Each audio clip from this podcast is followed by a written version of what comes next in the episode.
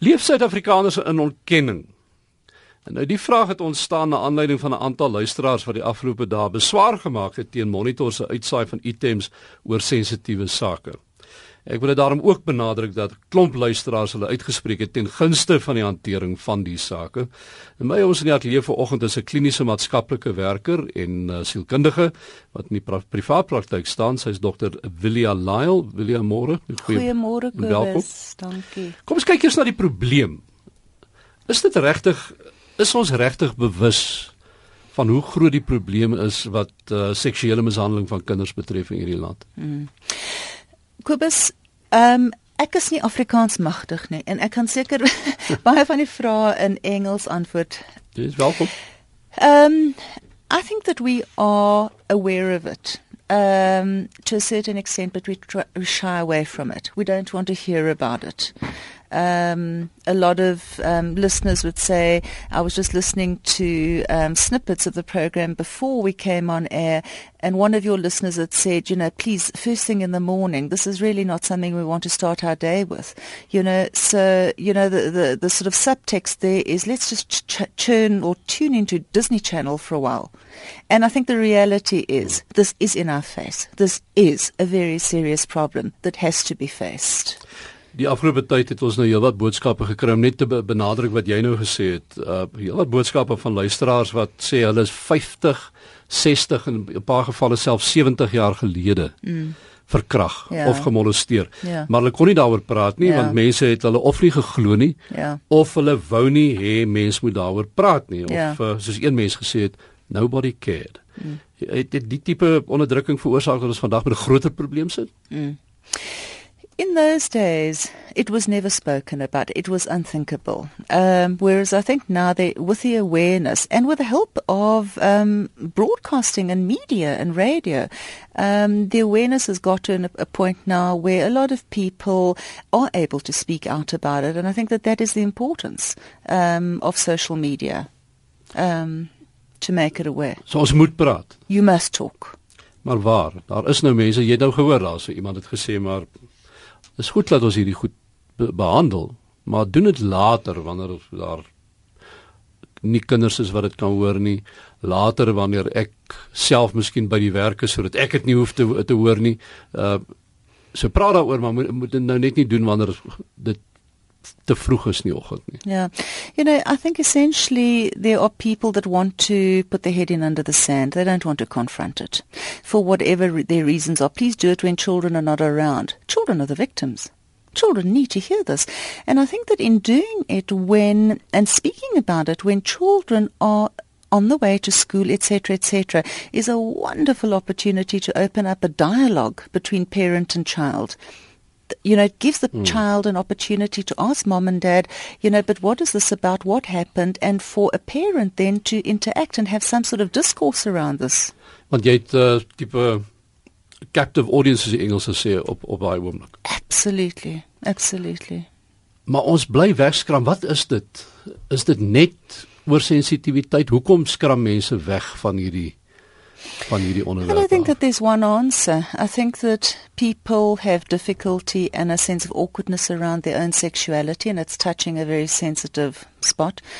Um, I don't think people want to face the ugliness um, and have to talk about it and actually acknowledge that that is a part of what we live with. Um, I think very often um, people that have had their own trauma in this regard it raises a lot of unresolved issues within themselves. And in acknowledging and talking about it, it maybe just brings it very close to home. So I think that there, I don't think there's a single fact explanation for that.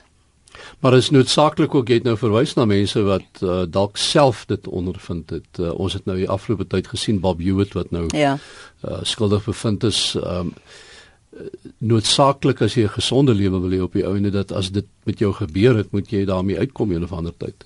Is, preferably. Hmm. Preferably. Um, you know, to receive the help is out there. And the expertise within the professional community has grown enormously. Um, there's a lot of help out there from NGOs right through to private practice. Isak? Vertel ons gou-gou 'n bietjie wat sê jy het nou 'n bietjie gekyk weer wat sê die mense. Ek dink een van die ander vrae wat 'n mens ook kan vra, dis nou na aanleiding van een van die SMS'e hier is wat sê, nee, jy moet dink wie luister, jy gee te veel detail wanneer jy praat oor geweld teenoor kinders. Is dit so dat mense te veel inligting kan gee, te veel detail kan gee in sake soos hierdie? You know how I'm understanding that is just skirt around it, make it pretty and, and kind of don't go into the detail. People need to know the detail. People um, need to know it. Maar daar's baie luisteraars wat saamstem daarmee. Marianne Steinburger sê vir ons op Facebook, mense is meer bekommerd oor dit wat kinders nie mag hoor nie as om kinders bewus te maak van die aaklige goed wat met hulle kan gebeur. Deur openlik daaroor te praat word kinders bemagtig om daaroor te praat en dis waarna ons nou-nou verwys het die sogenaamde captive audience en dat dit juis dan die ideale geleentheid is om 'n gesprek met 'n kind daaroor te hê. Morne van der Berg wat sê mense kan oor enige onderwerp met omsigtigheid praat.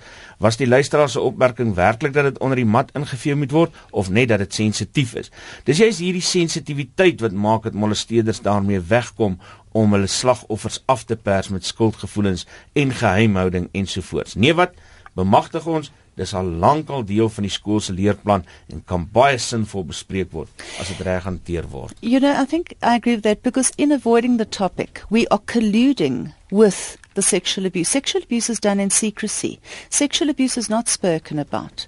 Um, and in when we don't take responsibility and talk openly about it, we're colluding with that system. We're colluding with um, mm. that whole process.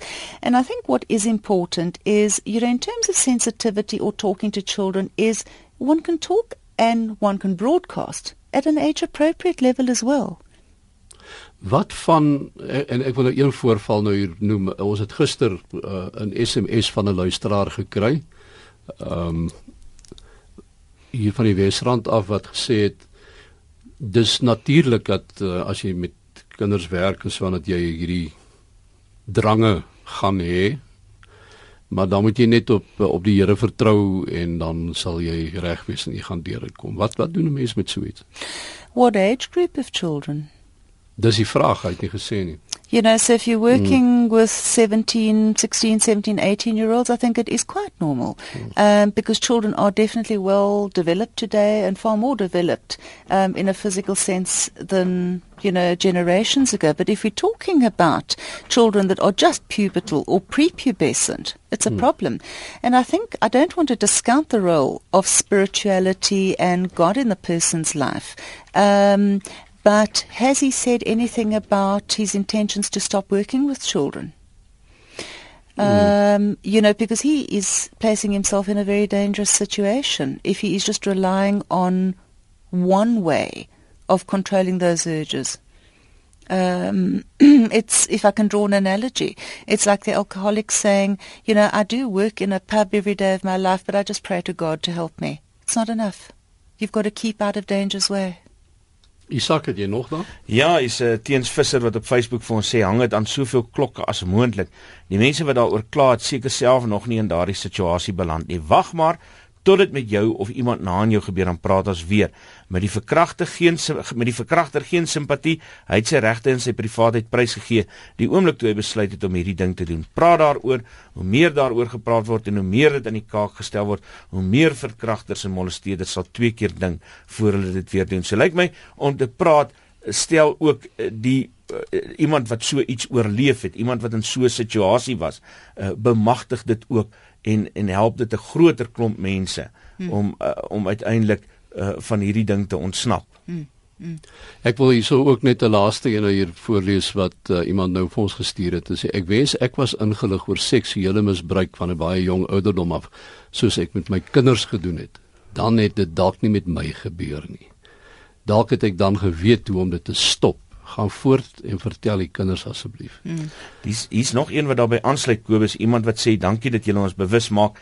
Dis egter te laat vir my wat onlangs uitgevind het my eie seun het sy eie sussie gemolesteer. Hmm. As daar maar net 'n program daardie jare was, nou is dit te laat. Skade is onherstelbaar want ek is bitter lief vir beide my kinders.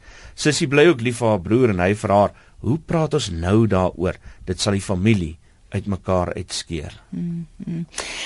We are finding more and more sibling incest happening, um, and more and more perpetrators um, being children perpetrating acts of um, sexual abuse against other children.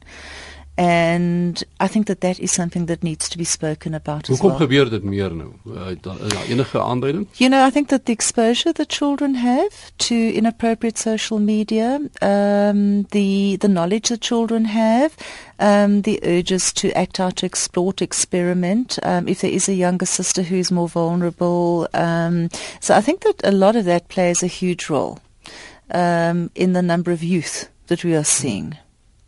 So op die ou einde Willia is die die antwoord lyk dit vir my is juis dit. Ons moet van 'n baie vroeë ouderdom al praat. Absolutely. Kommunikeer met ons kinders. Absolutely. And I think the tragic thing about this is we are placing responsibility in talking about it with with our children. And we're saying, say no to it, etc., etc. And it shouldn't actually be a child's responsibility to protect themselves and to have to say no to an adult. But unfortunately, we have to communicate about it. Dis Dr. Willia Lyle wat met ons gepraat het. Sy's 'n kliniese maatskaplike werker en sielkundige in uh, in die privaat praktyk en sê vir baie dankie vir jou deelname vanoggend. Dankie vir die Belangrike uitnodiging. onderwerp. Dankie.